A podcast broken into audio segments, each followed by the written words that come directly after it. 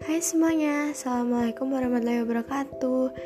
Jadi kenalin, nama aku Ivana Velda dan umurku tahun ini masih 16 Dan kalian pasti bingung kenapa aku bikin podcast Karena beberapa waktu yang lalu aku sempat tanya ke sahabat aku Dan katanya gak apa-apa buat podcast aja, semangat gitu-gitu. So I start my podcast dan sebenarnya aku berharap banget dengan aku bikin podcast ini aku bisa ceritain banyak cerita sama kalian tentang aku tentang apa pun itu. Dan semoga podcast ini bisa jadi pelajaran buat kalian.